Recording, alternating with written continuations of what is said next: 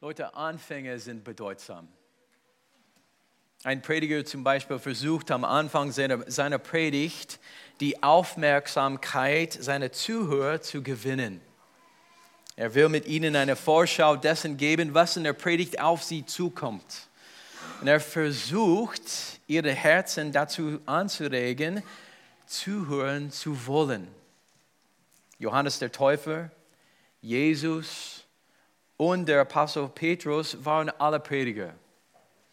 Es ist bemerkenswert, dass alle drei ihren Predigtdienst gleich begannen, nämlich mit denselben Nichtbetonungen, nicht Predigtgliederungen, sondern mit, mit exakt denselben Worten. Hört, hört auf die allerersten uns überlieferten Worte Johannes des Täufers, als er seinen öffentlichen Dienst begann.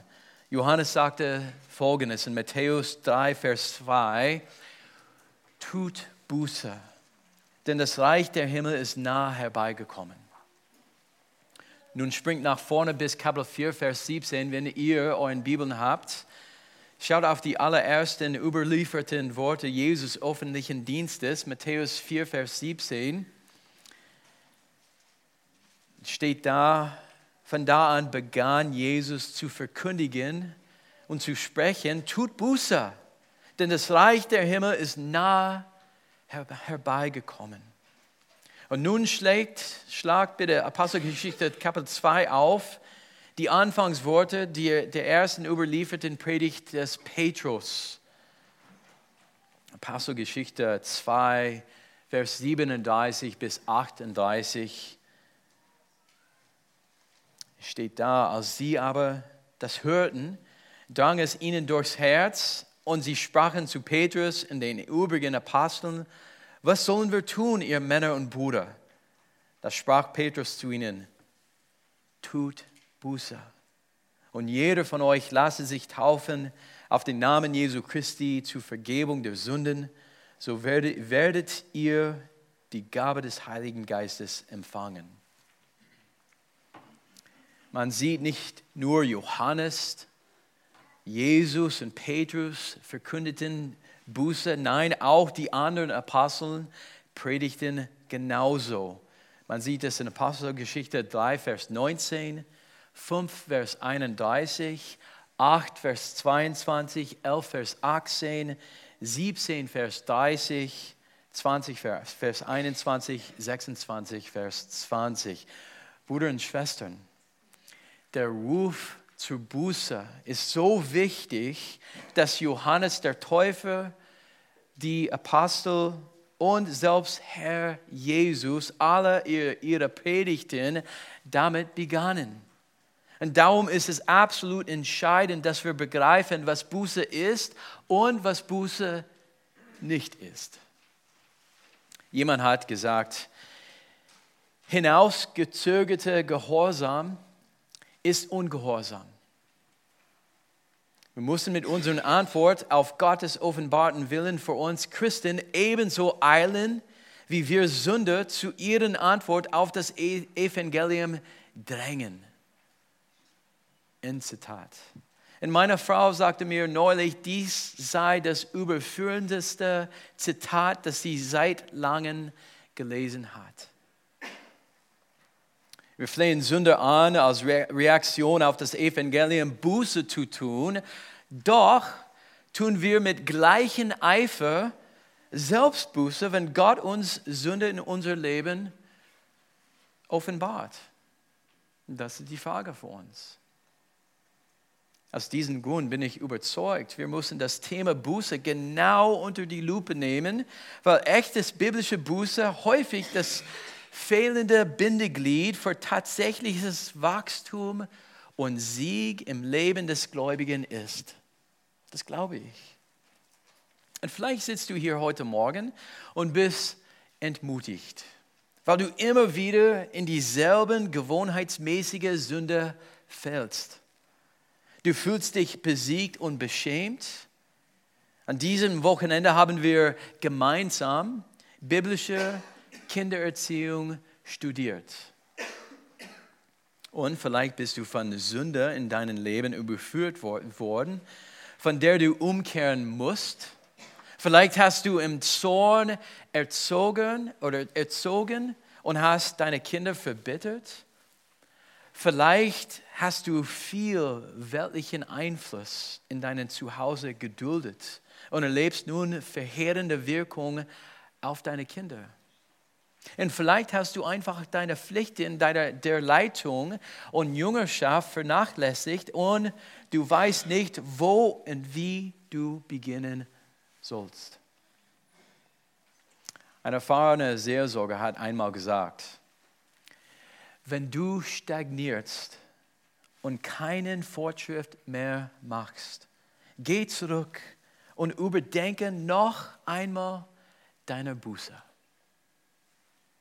Ihr Lieben, dasselbe sage ich dir in deinem Kampf gegen die Sünde, jede Art von Sünde. Wir gehen viel zu schnell von den anfänglichen Tränen über die Sünde hin zu Einübung von der Gerechtigkeit. Und was eigentlich am Schluss kommt, dabei überspringen wir den entscheidenden Bereich der Buße dazwischen. Die Echtheit unserer Buße ist die wirkliche Schlüssel. Nicht nur für unsere Errettung, sondern auch für unsere fortdauernde Heiligung. Und das schließt, das schließt definitiv unsere Kindererziehung mit ein. Als Pastor habe ich über die Jahre viele, viele Leute sehr sorglich beraten und ich habe erfahren, dass wahr biblische Buße das Schlüsselelement für echtes Wachstum und Veränderungen ist. Ich erinnere mich an zwei Männer, die unabhängig zu mir kamen. Und beide waren niedergedruckt von Kummer und fragten nach geistlicher Hilfe. Sie hatten viel gemeinsam, eine befleckte Vergangenheit gewohnheitsmäßige Unehrlichkeit, Ehefrauen, die sich nicht länger respektieren, noch ihnen vertrauten und unschuldige Kinder, die mittendrin im Chaos litten. Und beide Männer waren aufrichtig. Beide bereuten wirklich ihre Sünden. Beide hassten es mit anzusehen, wie ihre Sünde ihre Familie leiden ließ. Und beide Beide bettelten und flehten ihre Frauen an, sie nicht zu verlassen. Beide liebten ihre Kinder, obwohl sie sie nicht gut erzogen hatten. Und beide suchten die Hilfe des Pastors. Beide schienen willig zu tun, was immer nötig war, um ihren sündigen Lebensstil zu ändern. Und beide vergossen Unmengen von Tränen doch die schlussendliche Untersuchung ergab, ihre Tränen entsprangen völlig verschiedenen Quellen.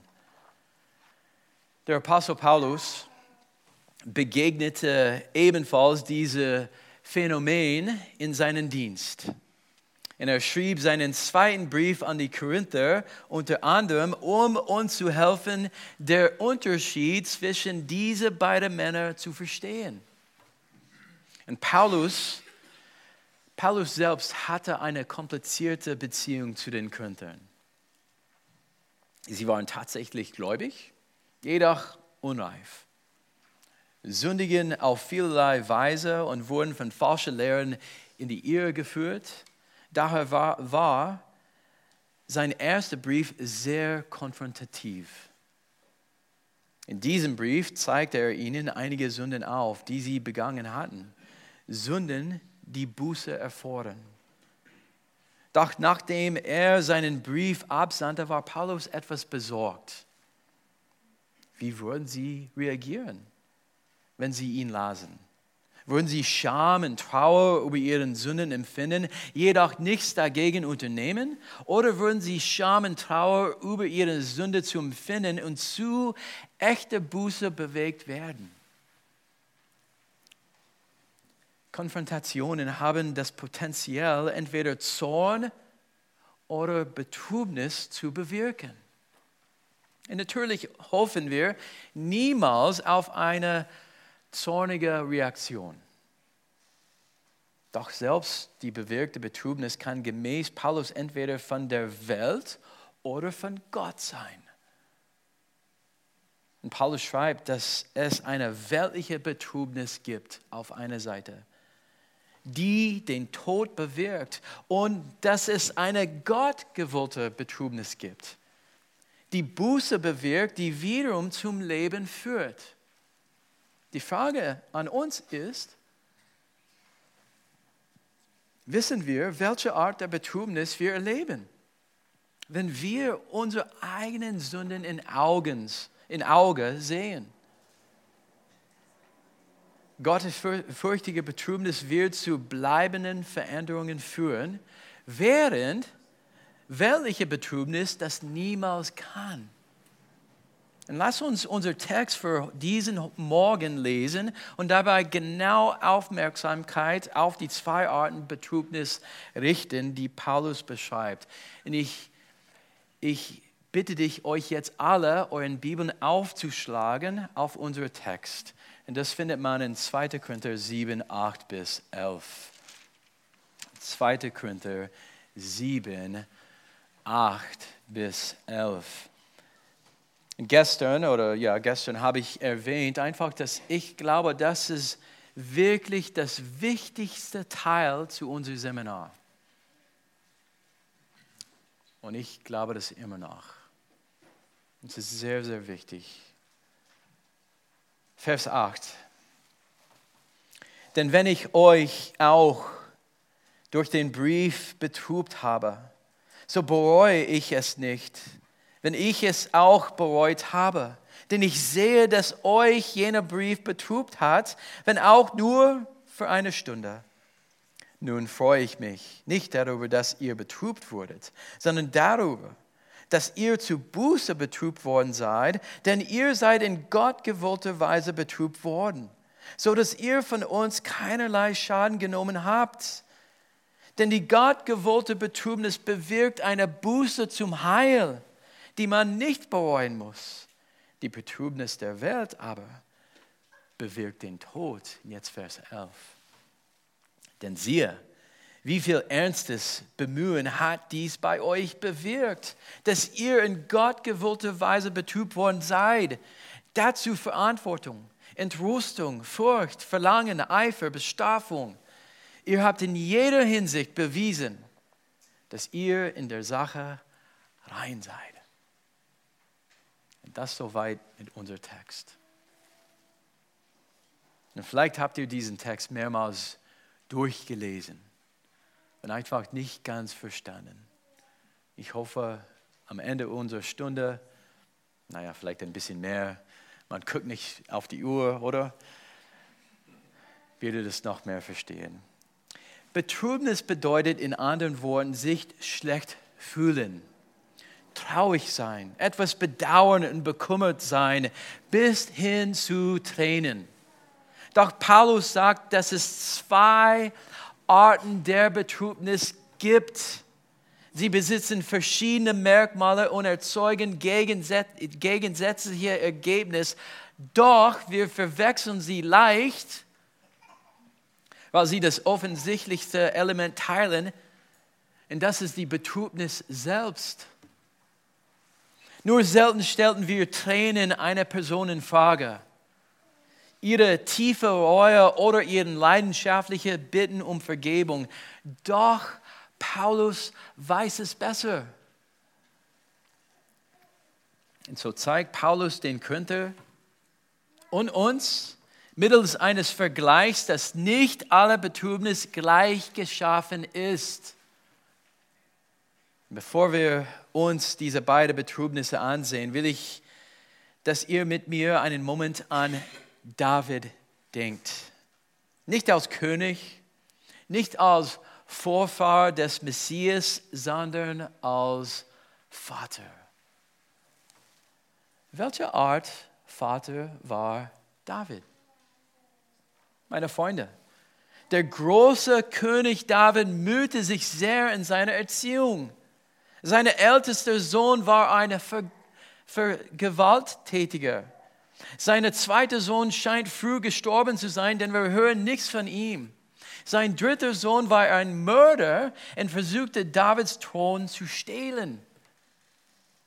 Sein vierter Sohn versuchte einen Putsch und probierte den Thron zu ergreifen, als David auf dem Sterbebett lag. Warum sehen wir solch katastrophalen Resultate von Davids Kindererziehung? In 1. Könige, Kapitel 1, erhaschen wir meiner Ansicht nach einen Blick auf Davids Stil der Kindererziehung in seinen jüngeren Jahren als Vater und auch als König. Es ist die Rede von seinem vierten Sohn Adonia, wo wir lesen folgendes in 1. Könige 1, Vers 6. Schreib mal das auf. Steht hier 1. Könige 1, Vers 6. Aber sein Vater hatte ihn nie betrübt, Zeit seines Lebens, so dass er gesagt hätte, warum tust du sowas? Es ist unglaublich, unvorstellbar, dass David hat kein Mucks gegen seine Söhne gesagt. Sogar sagte er nicht, warum tust du sowas, so etwas? Ihr lieben David vernachlässigt es, diesen Jungen zurückzuweisen. Und scheinbar war das seine gewöhnliche Weise der Kindererziehung. Denn drei der ältesten Vier Söhne waren völlige Katastrophen. Sie verursachten große Betrübnis in Davids Herz. Doch welche Art Betrübnis war es? Tat David wirklich Buße darüber, ein, ein solch armseliger Vater gewesen zu sein? Bevor wir es herausfinden, lass uns diese beiden Arten der Betrübnis ansehen. Lass uns anschauen. Wir müssen zurück zu 2. Korinther Kapitel 7, 8 bis 11 gehen. Die erste der beiden Arten nennt, nennt Paulus die Betrübnis der Welt. Weltliche Betrübnis ist eine legitime Betrübnis. Da sind echte Tränen dabei. Das echtes Bedauern. Das echte Traurigkeit und Zerbrochenheit. Jedoch der Punkt ist nicht, ob die Betrübnis einer Person echt ist. Die große Frage ist, worüber ist sie betrübt? Das ist die große Frage. Und das empfehle ich euch, das aufzuschreiben. Die Ausrichtung der weltlichen Betrübnis im Kern ist das eigene Ich. Nochmal, die Ausrichtung der weltlichen Betrübnis im Kern ist das eigene Ich.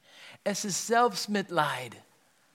Die Person ist vorrangig betrübt, weil sie nicht bekommen hat, was sie wollte oder erwartete. Und vielleicht dachte er, die Ehre würde ihm Freude bringen und, und Gefallen bereiten, doch anstatt dessen gibt sie ihm Verletzung und Enttäuschung. Oder vielleicht ist er betrübt, weil er verliert, was er wertschätzt. Seinen Ehepartner, seine Kinder, vielleicht sein Geld, sein Haus, seinen Ruf, manchmal sogar den Zugang zu den, seiner geheimen Sünde. Oder ein drittes Szenario ist, dass er betrübt ist, weil er dabei ertappt wurde, etwas Falsches zu tun und er muss unter den unangenehmen Folgen seiner Taten leiden. Eine kaputte Ehe, eine beschädigte Ruf, finanzieller Verlust, einen Haft oder einfach die anklagenden Schuld. Im ihren Kern ist weltliche Betrübnis selbstzentriert und meist kurzlebig. Schon bald versiegt sie und die Menschen fangen an, wieder wie zuvor zu leben. Anstatt ihren Denkweise und Taten zu ändern, versuchen sie nur umso eifriger, das nächste Mal nicht erwischt zu werden. Ein anderes Merkmal der weltlichen Betrübnis ist, dass sie Konsequenzen meidet und ihnen widersteht. Sie sucht Ausreden. Sie bringt ständig die Fehler der anderen in diese Sache vor, selbst wenn sie ein Lippenbekenntnis zur eigenen Verantwortlichkeit ablegt. Sie beschwert sich über den, den Disziplinärprozess und sie fordert den sofortigen Rückgewinn des Vertrauens in einer Beziehung oder der vorherigen Position der Autorität oder des Dienstes, als ob nichts geschehen ist. Weltliche Betrübnis, wenngleich echt ist, ist auf das Ich fokussiert. Paulus fährt fort, uns zu sagen, dass diese Art der Betrübnis zum Tod führt. Sie ist tödlich, weil sie, sie demselben selbstsüchtigen Herzen entspringt, das zu Beginn diese Sünde haben wollte. Ihr Lieben, es ist wirklich entscheidend, dass ihr das versteht. Ich sage das von ganzem Herzen zu euch. Das sündige Herz sagt dem Wesen nach, ich will, was ich will, wann immer ich es will. Es ist mir egal, dass es Gott beleidigt und es ist mir egal, dass es mich und alle anderen schädigt. Ihr Lieben, diese Art von Herz lässt, lässt die Sünde nicht wirklich gehen, obwohl es viele Tränen vergießen mag. All die Tränen, und all der Schmerz dehnt sich um den Verlust, den das eigene Ich erleidet. Das selbstzentrierte Herz ist immer noch dasselbe, ob es sich in geliebte Sünden ergeht oder ob es mit Tränen weltlicher Betrübnis ausdrückt, wenn die Dinge schief laufen. Jetzt kommen wir zu ein Gott gewollter Betrübnis was Gott zentriert und gründlich ist. Doch Paulus sagt, dass es noch eine andere Art der Betrübnis gibt.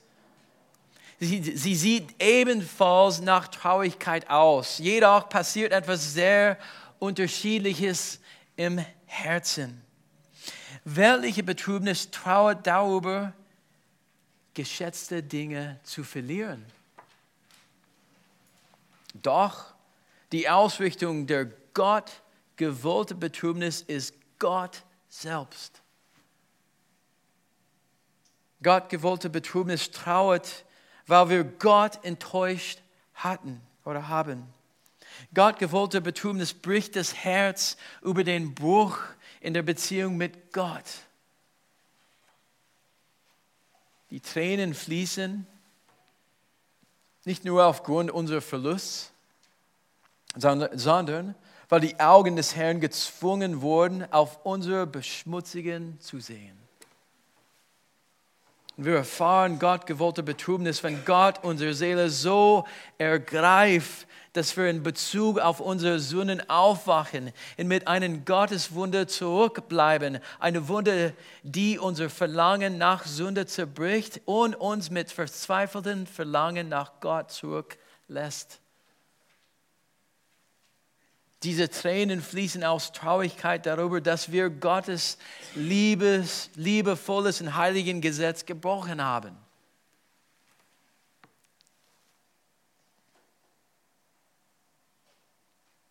Der Herzschmerz, der Kummer, die Trauer und das Weinen der Gott gewollte Betrübnis kommen daher, dass wir den heiligen Gott beleidigt haben der uns mehr bedeutet als alles andere in diesem Universum. Trauen wir ebenso über den Schmerz, den unsere Sünde für unsere Lieben verursacht? Natürlich. Trauen wir selbst über die Konsequenzen, die unsere Sünden in unser Leben bringt? Absolut. Doch im Kern ist Gott gewollte Betrübnis Gott zentriert. König David erfuhr diese Art der Betrübnis nach seiner Sünde mit Bathseba. Schlag mit mir Psalm 51 auf und betrachtet mit mir die inspirierte Überschrift dieses Psalms. Psalm 51.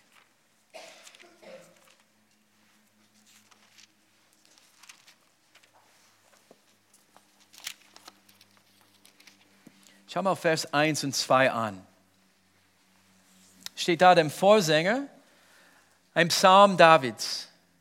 Als, er der, als der Prophet Nathan zu ihm kam, weil er zu Bathseba eingegangen war. Das ist das Kontext. Und jetzt, geh mal jetzt mit mir zu Vers 6. An dir allein habe ich gesündigt und getan, was böse ist in deinen Augen, damit du Recht behältst, wenn du redest und rein dastehst, wenn du richtest. Soweit. Wie könnte David sagen, dass er allein gegen Gott gesündigt hatte? Hat er sich nicht an Bethseba versündigt? Hat er sich nicht an Uriah, ihren Ehemann, versündigt? Hat er sich nicht an seine ganze Familie versündigt? Hat er sich nicht am ganzen Volk, das er regierte, versündigt? Und hat er sich nicht an seinen eigenen Körper versündigt? Ja, ja und ja. Doch der Grund, warum König David unter der Inspiration des Heiligen Geistes sein Gebet auf diese Weise formulierte, ist, dass das große Übel aller Sünde darin besteht, dass es immer zuerst und vor allem gegen Gott ist.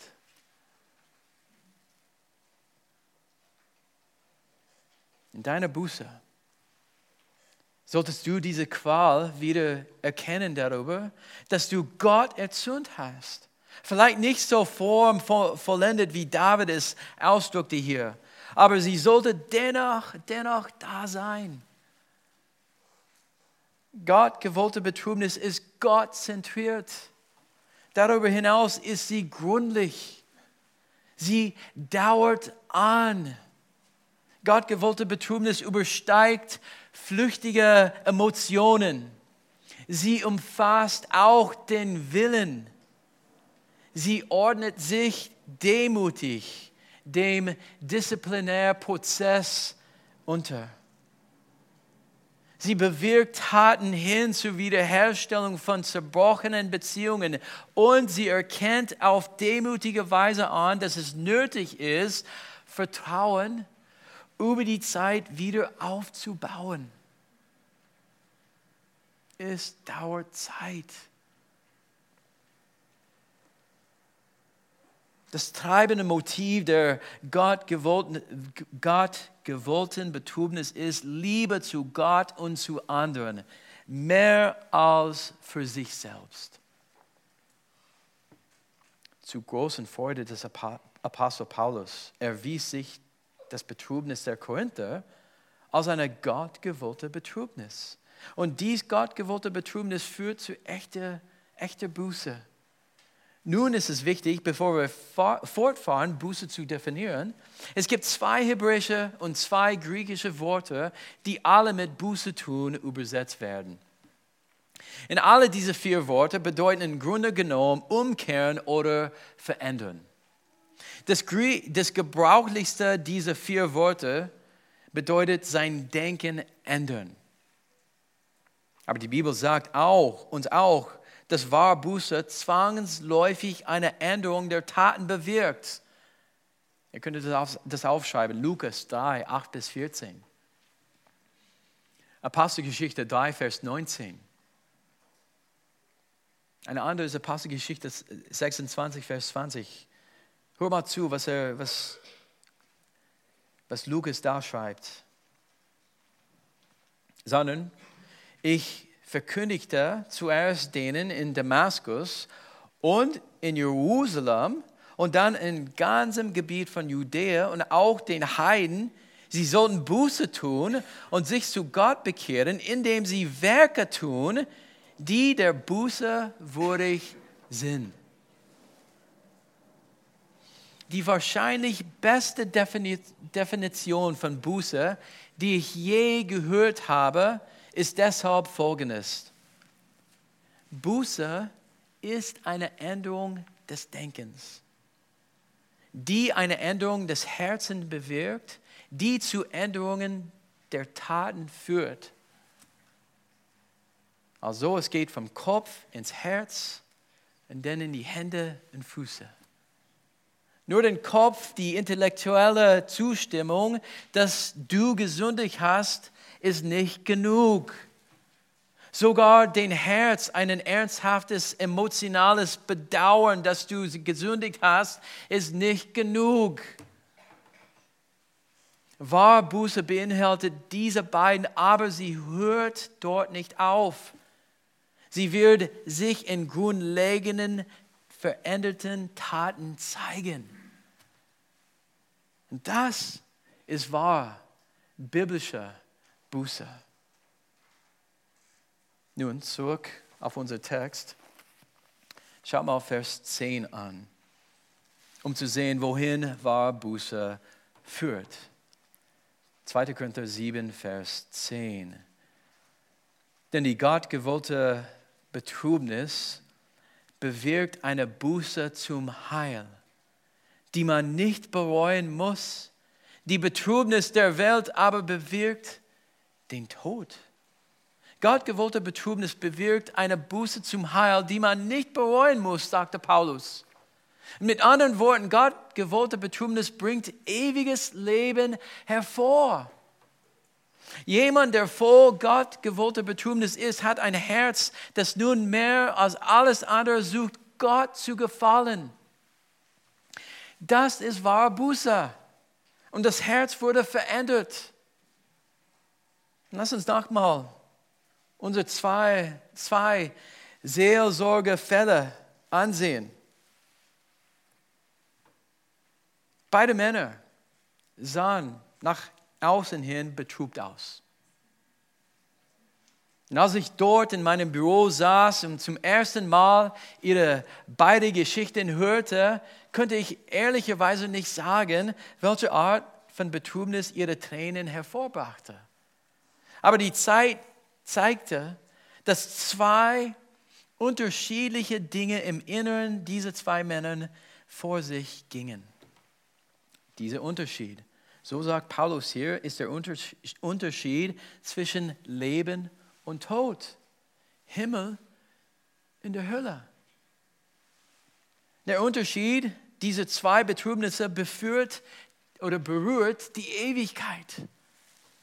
Leute, hier wird 2. Korinther 7, 8 bis 11 noch praktischer.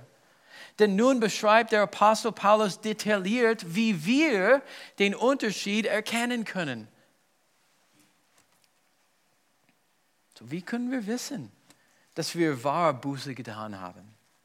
Welche Art von Furcht werden wir sehen? Ihr Lieben, wahres Christentum wird immer durch seine Furcht erwiesen. Und das trifft besonders auf Buße zu, weil es keine Buße ohne entsprechenden Furcht gibt. Johannes der Täufer wusste das. Deshalb sagt er in Matthäus 3, Vers 8, so bringt nun Früchte, die der Buße würdig sind. Und in diesem zweiten Brief an die Korinther finden wir sieben Früchte war Buße, von Heiligen Geist inspiriert und von, von Paulus niedergeschrieben. Schau mal Vers 11 noch einmal an. Denn siehe, wie viel ernstes Bemühen hat dies bei euch bewirkt, dass ihr in Gott gewollter Weise betrübt worden seid, dazu Verantwortung, Entrüstung, Furcht, Verlangen, Eifer, Bestrafung. Ihr habt in jeder Hinsicht bewiesen, dass ihr in der Sache rein seid. Beachtet Folgendes. Gott gewollte, gewollte Betrübnis bewirkt sieben Früchte der Korinther. Geht nicht davon aus, dass wenn du zwei, drei, sogar vier davon in deinem Leben siehst, dass alles in Ordnung ist. Wenn einige dieser Kennzeichen klar fehlen, dann ist es sehr wahrscheinlich, dass du Buße über deine unzureichenden Buße tun musst. Lass mich das wiederholen. Wenn einige diese sieben Kennzeichen klar fehlen, dann ist es sehr wahrscheinlich, dass du Buße über deine unzureichenden Buße tun musst. Erstens, was sehen wir hier? Beachte, dass die gottgewollte Betrübnis der Korinther Ernsthaftigkeit hervorbrachte.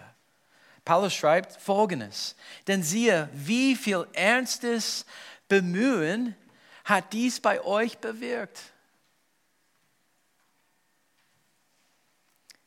Wir sehen ein Beispiel solcher ernsthafter Buße im Gebet des Königs David im Psalm 139. In diesem sehr geschätzten Psalm rief er aus in Vers 23, Erforsche mich, o oh Gott, und erkenne mein Herz prüfe mich und erkenne, wie ich es meine. Und siehe, ob ich auf bösem Weg bin und leitet mich auf dem ewigen Weg.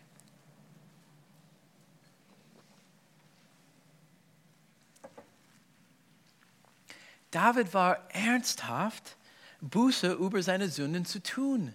Und so ernsthaft in der Tat, dass er bereit, dass er bereit war, Gott darum zu bitten, ihm alle Sünden zu offenbaren, die er übersehen haben könnte. Und als seine Familie um ihn herum auseinanderfiel, hat er sicherlich zu Gott gerufen, was habe ich getan? Wie habe ich in meiner Erziehung gesündigt? Und das, so ein Gebet erfordert Mut, ihr Lieben. Das zeigt Ernsthaftigkeit. Und wenn du deine Sünden siehst, zuckst du unter dem Schmerz deiner Schuld zusammen und fühlst dich überführt für eine Weile. Vielleicht bist du sogar, sogar entschlossen, gegen deine Sünde zu kämpfen für eine Weile. Aber wenn es weltliche Betrübnis ist, wird es nur kurzweilig sein deine Betrübnis verschwindet. Und du verschwindest ebenso von deiner Haltung auf den Knien vor Gottes Wort. Aber Gott gewollte Betrübnis ist, ist nicht kurzfristig. Sie ist langfristig. Sie ist ernsthaft. Gott gewollte Betrübnis wird tätig und kämpft eifrig gegen das Fleisch, die Welt, der Teufel über Wochen, Monate, sogar Jahre. Und Freunde, wenn euch Ernsthaftigkeit in euren Buße fehlt, wenn ihr zufrieden seid, Sünde in irgendeinem Bereich eures Lebens zu dulden, wird es Wachstum behindern und Fruchtbar Fruchtbarkeit ausschließen.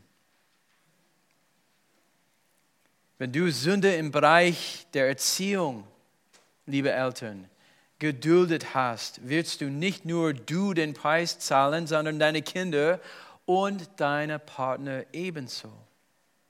Hast du viele Jahre damit verbracht zu sündigen? Denn nimm, denn nimm nicht an, dass ein paar halbherzige Augenblicke für die Art von der Ernsthaftigkeit der Buße ausreichen, die deine Sünden erfordern und die deine Retter verdient. Geh auf deine Knie im Gebet und sei ernsthaft und gründlich in deiner Buße. Zweitens, die aufrichtige Buße zeigt sich im Übernehmen des Verantwortung und einem Verlangen nach Wiederherstellung. Schau mal Vers 11 noch einmal an. steht da dazu Verantwortung. Aber was bedeutet das? Ist nicht so einfach zu verstehen. Paulus benutzt das griechische Wort Apologia, von welchem wir unser deutsches Wort Apologetik haben. Und es bedeutet wortlich eine Verteidigungsrede. Aber Paulus empfiehlt hier nicht, dass wir uns selbst verteidigen sollen. Das wäre das Gegenteil von demütiger Buße. Der Ausdruck, wie er an dieser Stelle benutzt wird, spricht von einer Ernsthaftigkeit, sich von der Schuld durch Sünde reinigen zu wollen. Die Korinther hatten das starke Verlangen, sozusagen ihren Namen wieder rein zu waschen, die Schände ihren Sünde wegzunehmen und ihren Schuld zu erledigen und sich als vertrauenswürdig zu erweisen. Sie stellten sicher, dass jeder, der von ihrer Sünde wusste, nun auch von ihrer Buße in Kenntnis gesetzt wurde. Und deshalb übersetzt die englische Übersetzung, das heißt die ESV oder ESV, diesen Ausdruck als welcher Eifer, euch selbst zu reinigen. Die Macht der Sünde über die dir ist gebrochen. Sie bestimmt dich nicht länger. Du scheust keine Mühen, um sicherzustellen, dass andere wissen, dein Lebensstil ist, nicht, ist nun nicht mehr derselbe und du lebst nun zur Ehre des Herrn. Du willst deinen Ruf wiederherstellen als eine Person, die Gott mit ihrem Leben die Ehre gibt. Eltern, das kann bedeuten, dass ihr mit euren älteren Kindern sprechen müsst, die euren früheren sündigen Wandeln miterlebt haben. Du musst ihnen in aller Demut bekennen, dass Gott dich von deiner Sünde überführt hat, dass du Buße getan hast und nun darin arbeiten wirst, die alten sündigen Verhaltensmuster mit neuen, gottesfürchtigen Handlungen zu ersetzen. Und dein Leben ist nun, nun erlöst von der Macht der Sünde und du freust dich darüber, dass sie nicht mehr lange der bestimmende Faktor ist. Drittens, Vers 11, noch einmal. Da finden wir die nächste Frucht war Buße. Und ihr könnt einfach in die, in die Zeilen da neben Vers 11 war Buße schreiben. Das sind die Merkmale.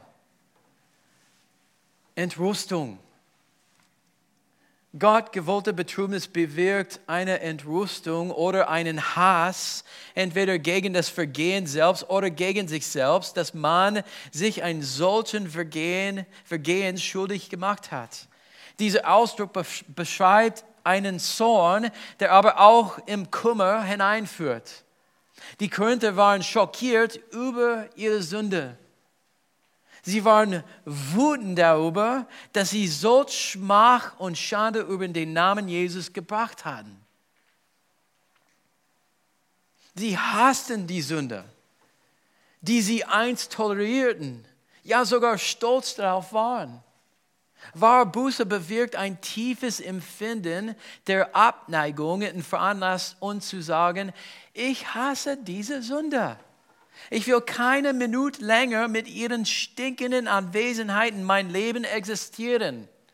Ich bringe sie zu dem, zu dem Gott, den ich von ganzem Herzen, ganzer Seele, ganzem Verstand und Macht liebe. Ich will nun alle meine Kräfte darin setzen, die entsprechenden Tugenden zu erlernen.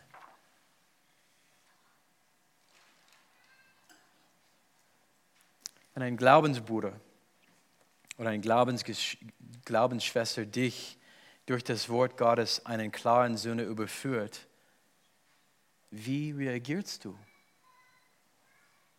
Ist es Empörung oder und Entrüstung gegenüber der Person, die dich konfrontiert? Oder ist es eine Empörung und Entrüstung gegen dich selbst, dass du Christus derart nicht ähnlich bist? Und dass Geschwister dich ermahnen müssen. Freunde, hör mir gut zu. Wenn wir wegen einer klaren Sünde Belehrung, Überführung, Zurechtweisung und Erziehung in der Gerechtigkeit nicht annehmen können, so sind wir in unser tiefsten Herzen unbußfertig. Nun lass uns noch einmal auf unser Vers schauen. Paulus schreibt, Furcht. Furcht ist ein sehr bedeutsames Merkmal war Buße. Aber Furcht, wovor? Furcht vor der, vor der Hölle? Furcht davor, dass andere die Wahrheit über meine Sünde herausfinden? Oder ist es Gottes Furcht? Alle von uns sollten in dieser Furcht leben. Das Buch der Sprüche beginnt mit diesem Gedanken, genau diesem Gedanken. Sprüche 1, Vers 7. Die Furcht des Herrn ist der Anfang der Erkenntnis. Siehst du in deinem Herzen nur die Angst davor, dass andere über deine Sünden herausfinden? Oder siehst du die Furcht des Herrn vor Gott, der einzige Person, die letztendlich zählt und völlige Kenntnis deiner Sünde hat? Aber ich denke, dieses Gottesfurcht erstreckt sich noch über weit mehr Bereiche, als was wir denken.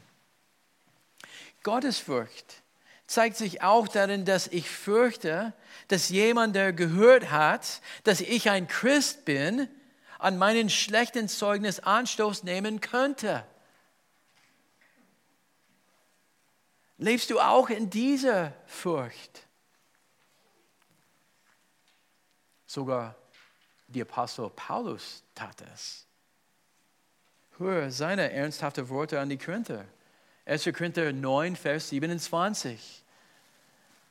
Schreibt Paulus, sondern ich bezwinge meinen Leib und beherrsche ihn, damit ich nicht anderen verkündige und selbst verwerflich werde. Siehst du seine aufrichtigen Furcht davor, seine Zeugnis oder seinen Dienst zu zerstören? Paulus war nicht ein Mann, der es in Passivität zuließ, dass ihm sein sündiges Fleisch es kontrollieren konnte. Er bekämpfte es. Er bezwang seinen Leib. Und das kann auch so übersetzt werden, ich betäube meinen Leib. Das ist die alte gute Luther-Übersetzung. Oder ich zerschlage meinen Leib. Schlachter. Ich führe einen harten Kampf gegen mich selbst, neue Genfer. Und Paulus war fest entschlossen, seinem Fleisch nicht zu gestatten, sein Zeugnis vor seinen Herrn zu ruinieren, den er so sehr liebte.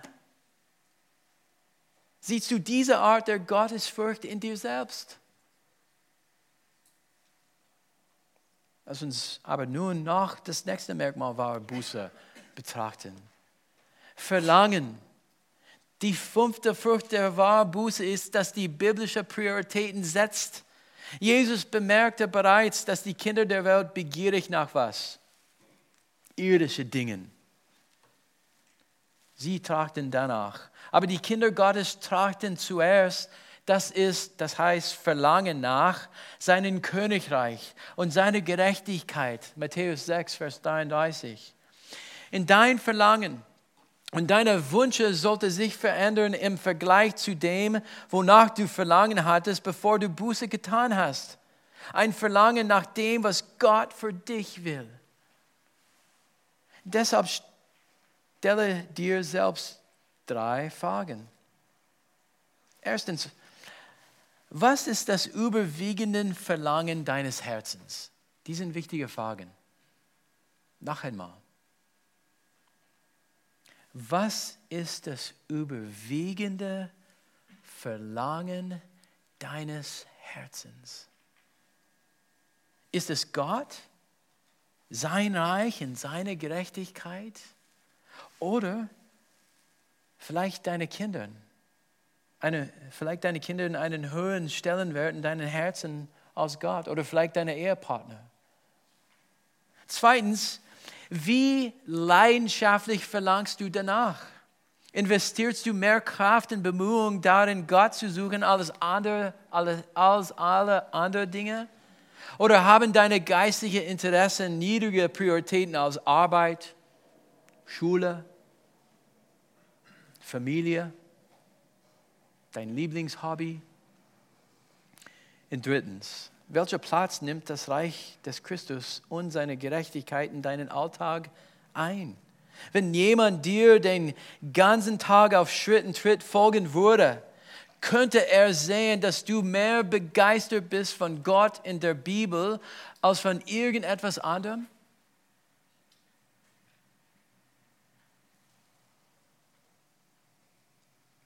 Diese fünfte Frucht der Buße leitet uns sogleich zur nächsten über. Eifer. Wir sind immer noch beim Vers 11. Dieses griechische Wort beinhaltet die Idee von glühend oder kochend zu sein. Und wir sehen diesen Eifer in den jungen, jungen Gläubigen in die Apostelgeschichte. Wir sehen es an der Länge der Predigten, die sie hielten und denen sie zuhörten. Wir machen das genauso jetzt. Den Tagen und, die, und Nächten, die sie im Fasten und Gebet verbrachten, dem Ausmaß ihrer Wohltätigkeit, dem Mut, mit dem sie der Verfolgung entgegentraten, der Inbrunst, mit der sie anderen Zeugnis gaben, dem Ausmaß ihrer Reisen bei der Verbreitung des Evangeliums und der Schlichtigkeit ihres täglichen Lebens. Eifer wird heutzutage als fanatisch gesehen oder angesehen. Aber Gott betrachtet es als ein Zeichen echter Buße. Eifer ist nicht nur für den alten christlichen missionarischen Typ. Eifer sollte die Norm für alle Wahrgläubigen sein und ein notwendiger Beweis für Wahrbuße. So sagt Paulus. Leute, wenn, es, wenn ihr nicht über Gott und sein Königreich, über alle anderen begeistert seid, dann ist etwas furchtbar, furchtbar verkehrt. Nun schaut mit mir einmal die letzte Furcht der Umkehr des Paulus, inspiriert vom Heiligen Geist, für uns aufgelistet hat. Das heißt Bestrafung oder Vergeltung. Paulus spricht hier von dem so wichtigen Teil der Buße, der Staat, Staat Bestrafung als auch Wiedergutmachung bezeichnen wird. Wirkliche, reumutige Menschen haben eine unerschütterliche moralische Überzeugung, dass all das Unrecht, durch das sie schuldig geworden sind, wenn überhaupt möglich, richtig gestellt werden muss. Und sie akzeptierten die Konsequenzen ihrer Sünden eine wirklich bußfertige Sünde tut, was er kann, um wenigstens einen Teil des Schadens, den er angerichtet hat, zu korrigieren und das heißt wieder gut zu machen. Und wo immer es möglich ist, etwas Falsches wieder in Ordnung zu bringen, werden die wirklich Bußfertigen dies tun. Wenn jemand denkt, dass er Buße getan hat und keine Wiedergutmachung vornimmt, wenn es möglich ist, täuscht er sich selbst. So schlicht und einfach ist es. Und seht euch einmal den letzten Satz an. Vers, Vers 11. Ihr habt in jeder Hinsicht bewiesen, dass ihr in der Sache rein seid. Und das klingt, als ob Paulus sagt, dass die Korinther sich als unschuldig an der Sünde erwiesen haben. Aber das kann nicht sein. Er bewiesen sie, dass ihr Kummer zu wahrbußern Leben geführt hatte. Und jetzt, nachdem wir Qualitäten der göttlichen Trauer betrachtet haben, denkt einmal mit mir an König David zurück. Gibt es Beweise dafür, dass er von seiner nachlässigen Elternschaft Buße getan hat? Ich glaube, er tat es. David ändert sich als Elternteil.